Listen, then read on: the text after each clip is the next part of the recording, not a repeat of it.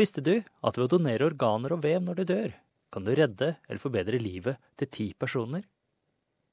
Idet tusenvis av australiere er på transplantasjonsventelister eller dialyse, er det viktig at flere personer blir donorer. Mens et flertall av australiere sier de er villige til å donere organer og vev etter sin død, har ikke alle tatt de nødvendige stegene for å få det til å skje. Dr. Hell Updam, nasjonal medisinsk direktør ved Organ and Tissue Authority, sier at det å være en donor er enkelt.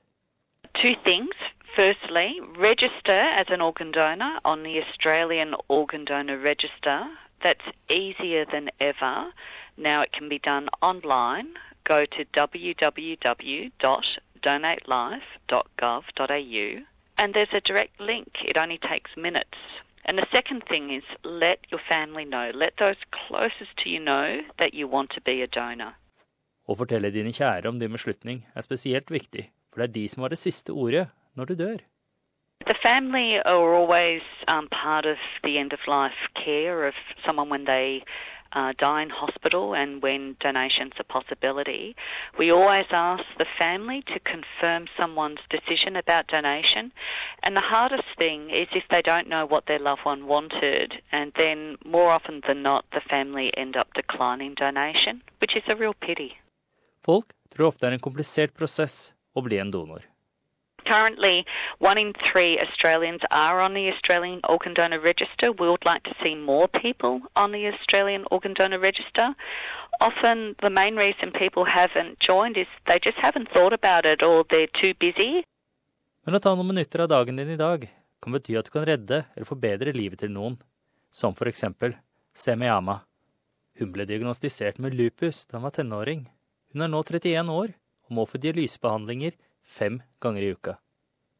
Å få en nyretransplantasjon vil forandre livet hennes betraktelig.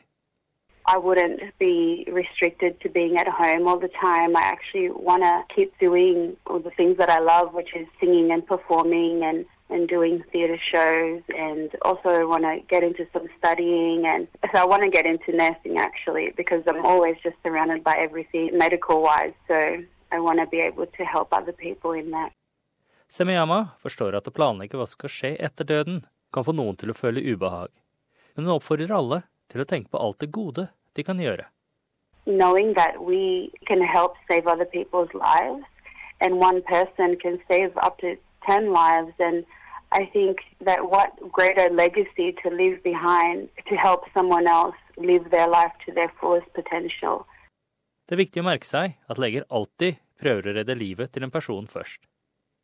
Det er først når det blir klart at det ikke er et alternativ, at donasjon blir vurdert. Australia er et av de ledende land i verden når det gjelder organdonasjon. Dr. Helen Opdam forsikrer at donasjonsprosessen er etisk og nøye planlagt.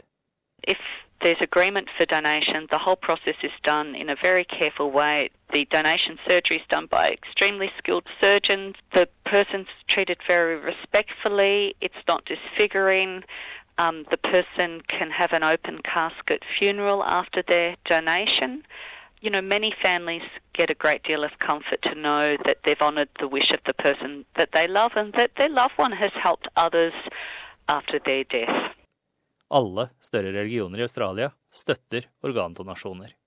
None of the major religions are against donation. In fact, all view donation as a compassionate act and you know, there's general statements in most religious texts that, you know, state that saving the life of another person is the, really the greatest thing that anyone can do. Familien til giveren vil ikke få vite hvem organene går til, og mottakerne vil ikke få vite hvem donoren er. Men Helen Optens sier at det finnes måter å anerkjenne donasjonen på. Our law in Australia and in many countries prohibit health professionals sharing identifying information about the person who's donated to the people who have received the organs.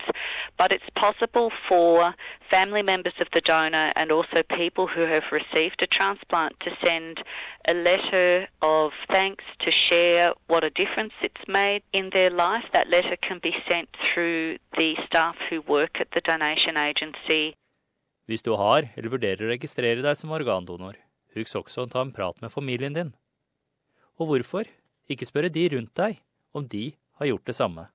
We really encourage people to share their donation decision through social media. They can use the hashtags MakeItCount and DonateLife to spread the word amongst their communities to really raise awareness and get more people to be willing to be donors.